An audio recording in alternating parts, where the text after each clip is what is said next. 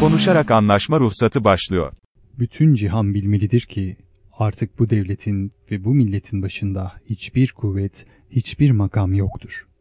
Yalnız bir kuvvet vardır, o da milli egemenliktir.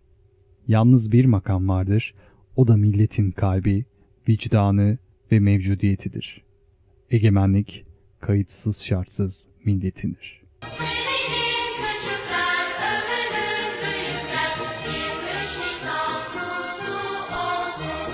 Sevgili dostlar, değerli dinleyenlerimiz, Karo Podcast'in 9. bölümüne hoş geldiniz. Geçtiğimiz haftalarda, geçtiğimiz günlerde ülkemiz adına çok değerli günler, tarihler yaşadık. 23 Nisan Ulusal Egemenlik ve Çocuk Bayramı'nın ve tabii ki 19 Mayıs Atatürk'ü anma, Gençlik ve Spor Bayramı'nı yad edeceğimiz daha nice bayramları yaşamak dileğiyle diyerek yayına başlıyoruz. Yayın paydaşlarımıza bir hal hatır sorarak başlayalım. Sevgili Kadir Beyciğim nasılsınız efendim? Merhabalar, iyiyim. Yazın gelmesini bekliyorum işte. Ee, o, bir an önce kısa kollu giymek istiyorum. Short giymek istiyorum yani kısa pantolon. Yaz dönemi bu sene nedense çok gecikmeli geliyor. Ama böyle inceden bir sezdiriyor kendini bu aralar. Baharı yaşamak apayrı bir güzellik zaten. Ruhi Beyciğim sizler nasılsınız efendim? Bir de sizi duyalım. Şimdi Kadir öyle güzel bir yere e, temas etti ki gerçekten yani gelmeyen yaz e, şu anda yaşıyoruz. Gerçekten yazı özleyenler kulübüne e, katılmış durumdayım. İnşallah o gelirse iyi olacağım. Sıcak gündemimizle beraber o yazı, yaz iklimini değerli dinleyicilerimize hissettirmek adına bence bir an önce başlayalım. Uzak coğrafyadan başlıyoruz. Bizim rutinimiz bildiğiniz gibi öncelikle uzak topraklara uzanıp sonrasında ufak ufak yerel haberlere dönmek şeklinde. İlk haber şu şekilde. Danimarka'daki sanatçı Jens Henning, Kanston Modern Sanat Müzesi'nin çalışmalarında kullanması için verdiği 84 bin doları ki bu yaklaşık 1 milyon Türk lirasına karşılık geliyor. Alıp karşılığında Eylül'de boş tablolar gönderdi. Sanatçı yayınladığı basın bülteninde işlerinin sanat endüstrisinde daha eşitlikçi normlar oluşturmak amacıyla sanatçıların haklarını ve çalışma koşullarına dikkat çekmek istediğini söyledi. Efendim bana birazcık kolpa bir haber gibi geldi. Gerçeklik payı nedir bilmiyorum ama e, hani böyle sanatçı kesimin bu tip bir dolandırıcılık yöntemine başvurmuş olması da çok ihtimal dahilinde değil. Belki de gerçekten anlayamadığımız bir sanat e, furyasıyla karşı karşıyayız. Şimdi sorum şu şekilde efendim. İlk önce Kadir Bey ile başlayacağım. Efendim geçtiğimiz yıllarda bildiğiniz üzere bu konuya daha öncesinde de değinmiştik. Geçtiğimiz yıllarda koli bandıyla duvara yapıştırılmış bir muz e, sergilendi bir sanat atölyesinde. Bu sanat atölyesinde açık arttırmaya sunulan muzun sanatçısı Maurizio Cataline'nin dikkat çekmek istediği toplumsal konu ne olabilir Kadir Beyciğim? Ee, muzun pahalılığı olabilir. Yani son zamanlarda çok arttı.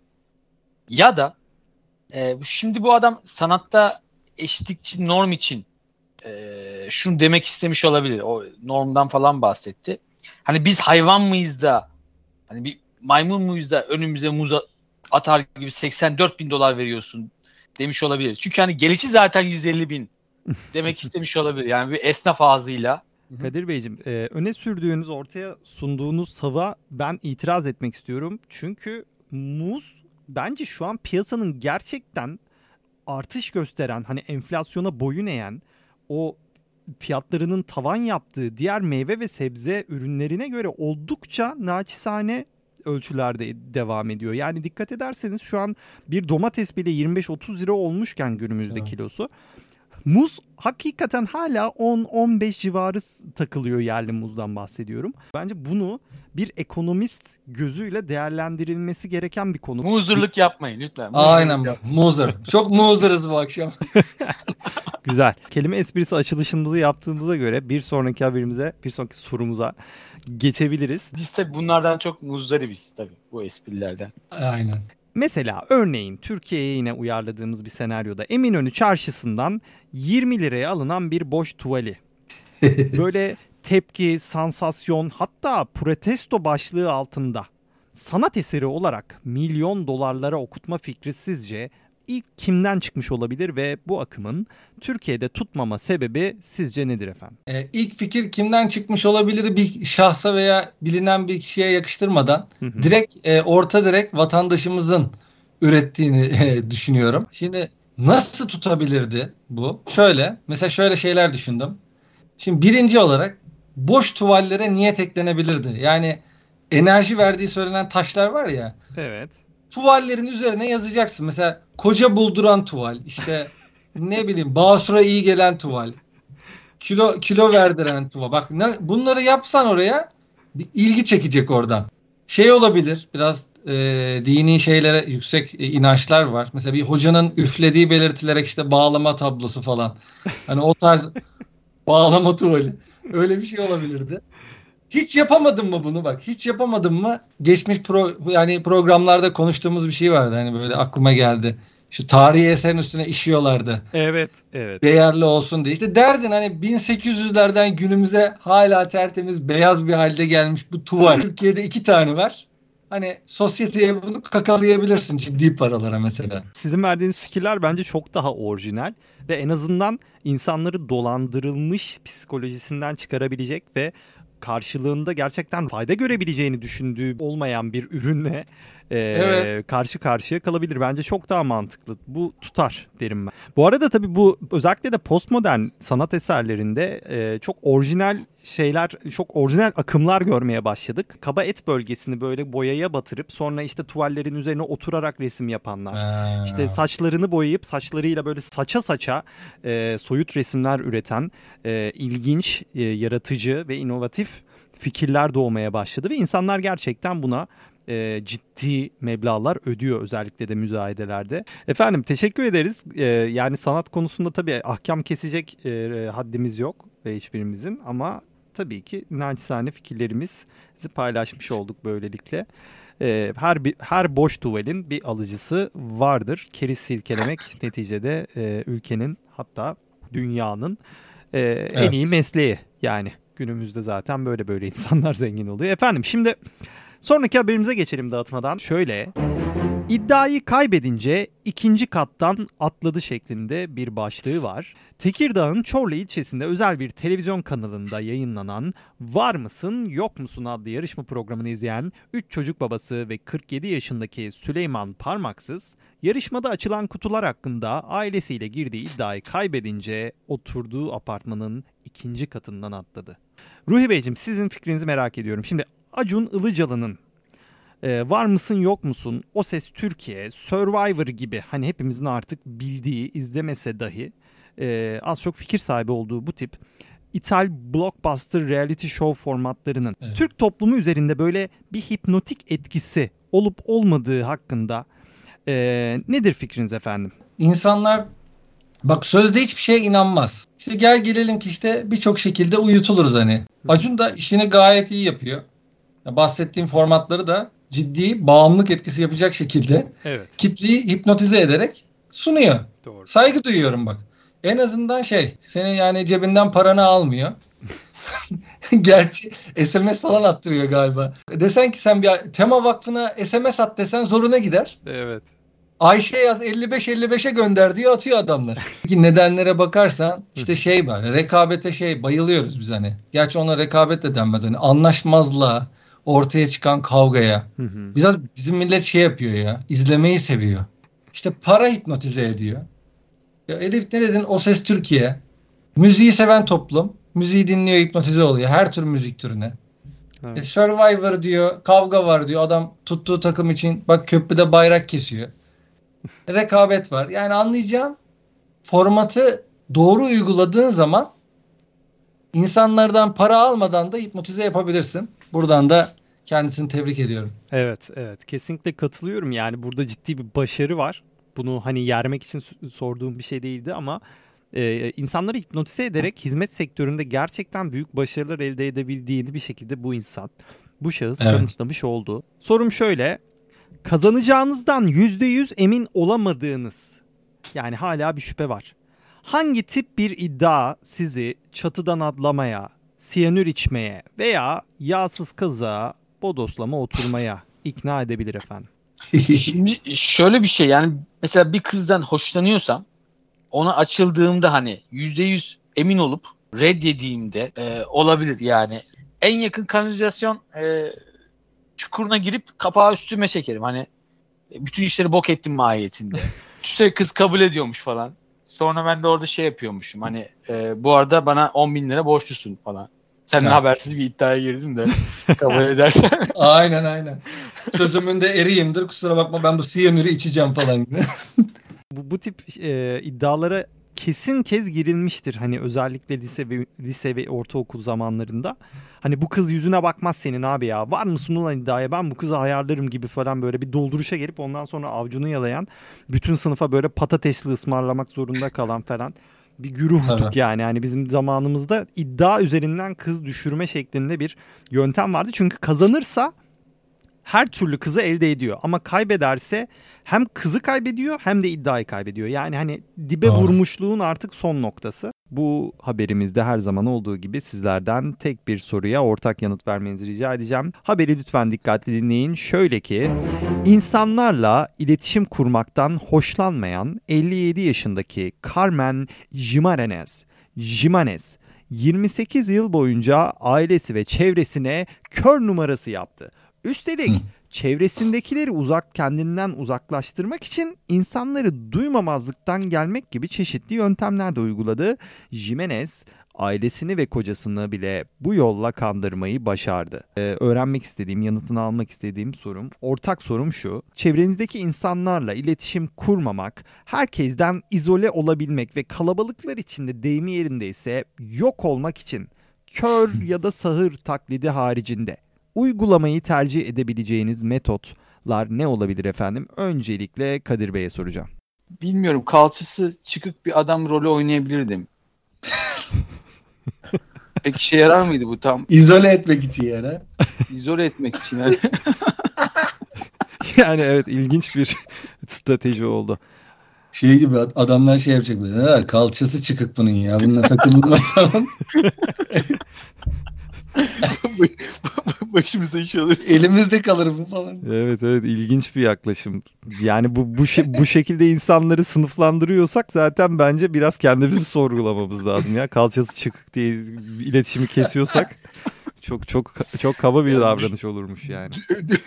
Karo Podcast ayrımcılık yapmaz. Evet evet. Şöyle bir şey var. Şimdi benim kalçam çıkık olsaydı çok seksi görünürdüm. Hmm. Bu herif çok seksi ve bundan uzak duralım. Zaten buna ya- yanına yaklaşamayız. Hmm. Egoludur deyip öyle bir ötekileştirme gelirdi diye düşünüyorum kendim için. Hmm. Yani siz nasıl hayal ettiniz beni Sen yücelterek, şekilde? yücelterek bir şekilde Değil mi? kendini izole etmiş oldun aslında. Ruhi Beyciğim sizden aynı soruya yanıt arayacağım. Sizin uygulayacağınız yani ben kalabalıklar arasında görünmez olmak istiyorum dediğiniz bir anda uygulayacağınız yöntem ne olur efendim?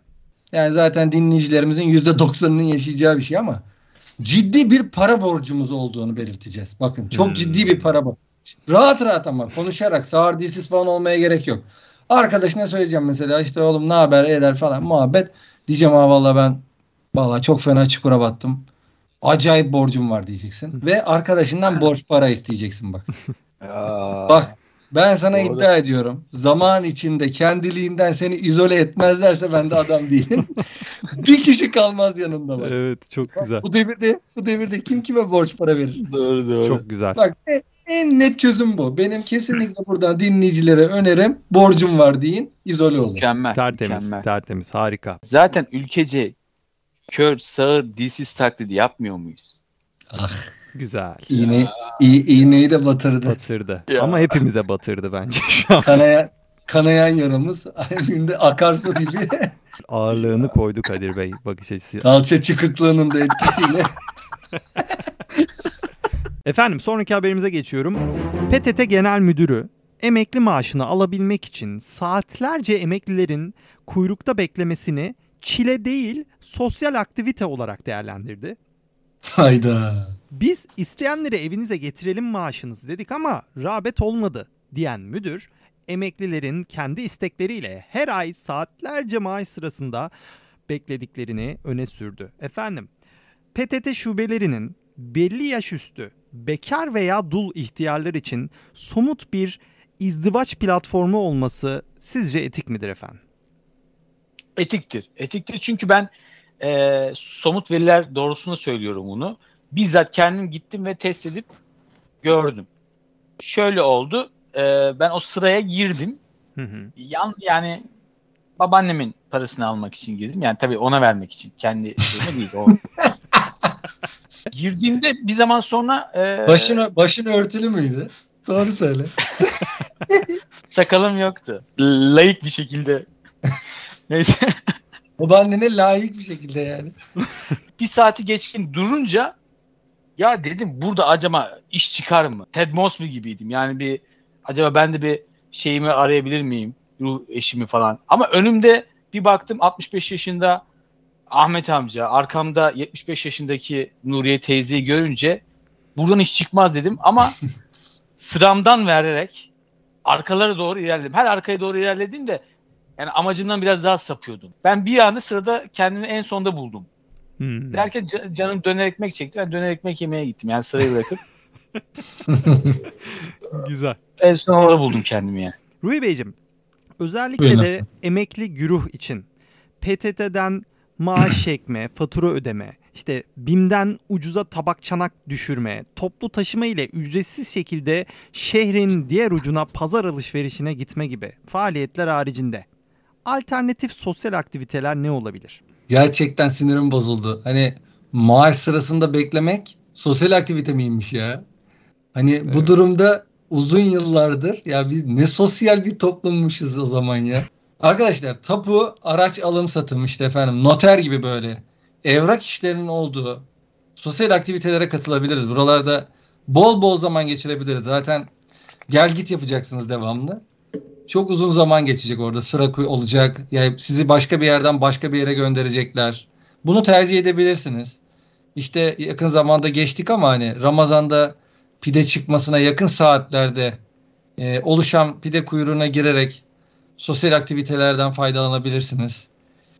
Bir de şimdi Z kuşağına bir öneri yapayım. Gerçi onlar buna çok uyuyor ama Starbucks Kadıköy şubesinde hani minimum 35 lira vererek e, kahve sırası bekleyip güzel bir sosyal aktivite deneyimi tadımlayabilirsiniz. Güzel. Ve büyük ihtimalle Kadir'in de söylediği gibi e, gençlerle de karşılaşma olasılığını yükseltirsiniz. Hani orada pek yaşlıya da denk gelmez. Belki bir şey çıkabilir yani. Doğru. bir tavsiyede bulunayım. Efendim şimdi son haberimize geçelim süremizi aşmadan. Şöyle ki efendim, Dinler, Diller ve Medeniyetler Arası Diyaloglar Derneği. Zaten derneğin adı yeterince Aynen. kafa kurcalayıcı yani haberin devamını okumadan önce o yüzden biraz es vereyim dedim. Mardin'in Midyat ilçesi Mercimekli köyünde bu derneğin Michael Jackson için mevlüt okutması köyde tartışma yarattı. Köy muhtarı Bedrettin Demir bir türlü kafama sığdıramıyorum diyerek tepkisini gösterdi. Şimdi adamın verdiği tepki çok orijinal. Ee, bunun üzerine bile bence birkaç satır konuşulur ama daha genel bakalım büyük resme bakalım. Dans kültürüne kazandırdığı ilginç motifleri işte lügatımızı lügata dahil ettiği değişik bağırış çığırış seslerini zaten biliyoruz.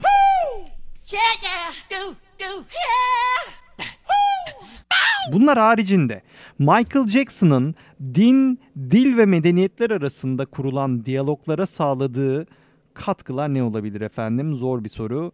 Hmm. Cevabınızı bekliyoruz merakla. Yani şimdi Michael'la ilgili de sonradan tuhaf haberler çıktı ama oralara girmeyelim. Evet. Biz hani e, benliğimizde yaşattığımız Michael'dan ilerleyelim. Müzikal kimliğini ön plana Aynen, çıkararak. aynen. Yani o seslerini ve motiflerini hariç tutarsak şimdi zaten kendi kendine ele veren gerçekler var işte. We are the world, we are the children işte. Black or white. Evet. Bu şarkılarla zaten adam derneğe çok uygun bir yaklaşım göstermiş. Yani medeniyetler arasında diyalog sağlayan sanatçı. Evet. İşte böyle. Yani o yüzden ben e, derneği yani diyaloğun e, bu diyaloglar arası derneği daha doğrusu haklı buluyorum. Hı hı. E, dolayısıyla mevlid okutulmasına da hani şaşırmadım. Mantıklı. Hani bir de bizde mesela Mahsun abi, Mahsun Kırmızıgül ne diyor? Hepimiz kardeşiz diyor değil mi? Evet. Şarkısı da var. Biriz mesajları veriyor. Aslında Michael da bunu veriyor. Bir de köy muhtarı Bedrettin abimiz diyeyim yani. Bunu sığdıramamış kafasına. Neleri sığ neleri sığdırdım ben çözemedim yani şimdi. Ufku biraz genişletmek lazım ben. Adamın kullandığı söz öbeğini ben o kadar Kesinlikle. o kadar orijinal buldum ki ara ara günlük hayatta bunu kullanmayı düşünüyorum. Hani birisi bana ilginç bir şey söylediğinde böyle uzaklara bakıp bir türlü kafama sığdıramıyorum deyip bir sigara yakmak falan. Hani hala bak yarışmalarda işte Acun'un yarışmasında falan hala moonwalk yapanlar var. Ya da işte sokaklarda görüyoruz hani para kazanıyorlar. Bak rahmetli hala fayda sağlıyor. Burada ekmek kapısı hala uzaklarda da olsa desteğini sürdürüyor yani. Birleştirici adam ya. Bir de bu adam bak şimdi siyah geldi dünyaya beyaz gitti ya. Şimdi aklıma geldi buradan rahmetle anıyorum kendisine. Bizde de var abi Barış Manço. Evet. O da mesela böyle bir özelliğe sahip. Buradan da neydi? Dinler, Diller ve Medeniyetler Arası Diyaloglar Derneği'ne sesleniyorum. Lütfen e, Barış Manço için de bir mevlüt okutulsun. Kesinlikle. Ben daha önce bu adam için niye mevlüt okutmayı düşünemedim. Ben de bunu bir türlü kafama sığdıramıyorum abi. Bayburt'un Akçakuzu köyünde faaliyetlerine devam eden Batı medeniyetlerinin iyi anlarını adapte etme derneği Çay Ocağı'nın kuruluş yıl dönümünde Marilyn Manson'ın doğum gününün kutlanması ne gibi vakalara sebebiyet verir efendim?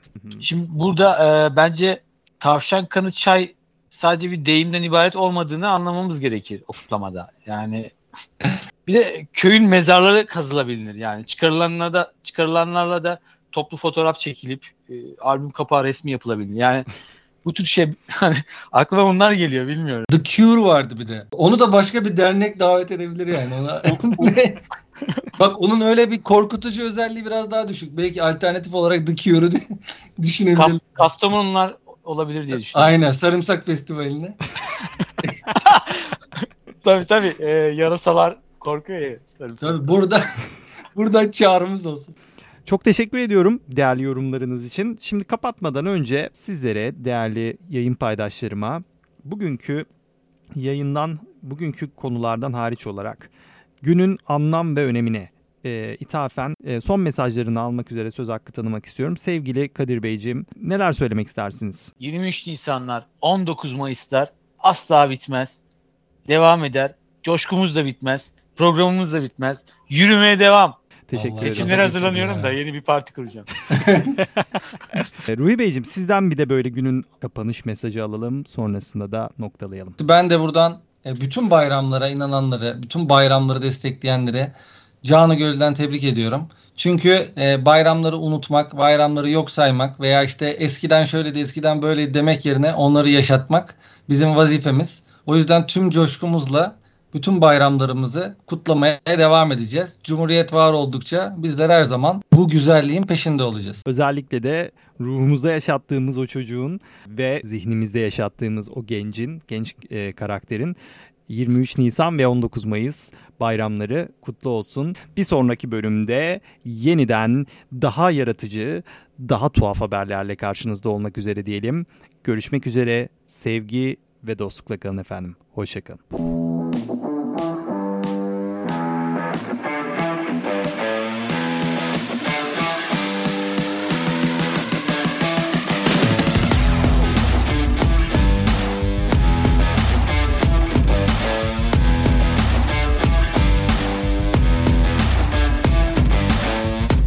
Konuşarak anlaşma ruhsatı sona erdi.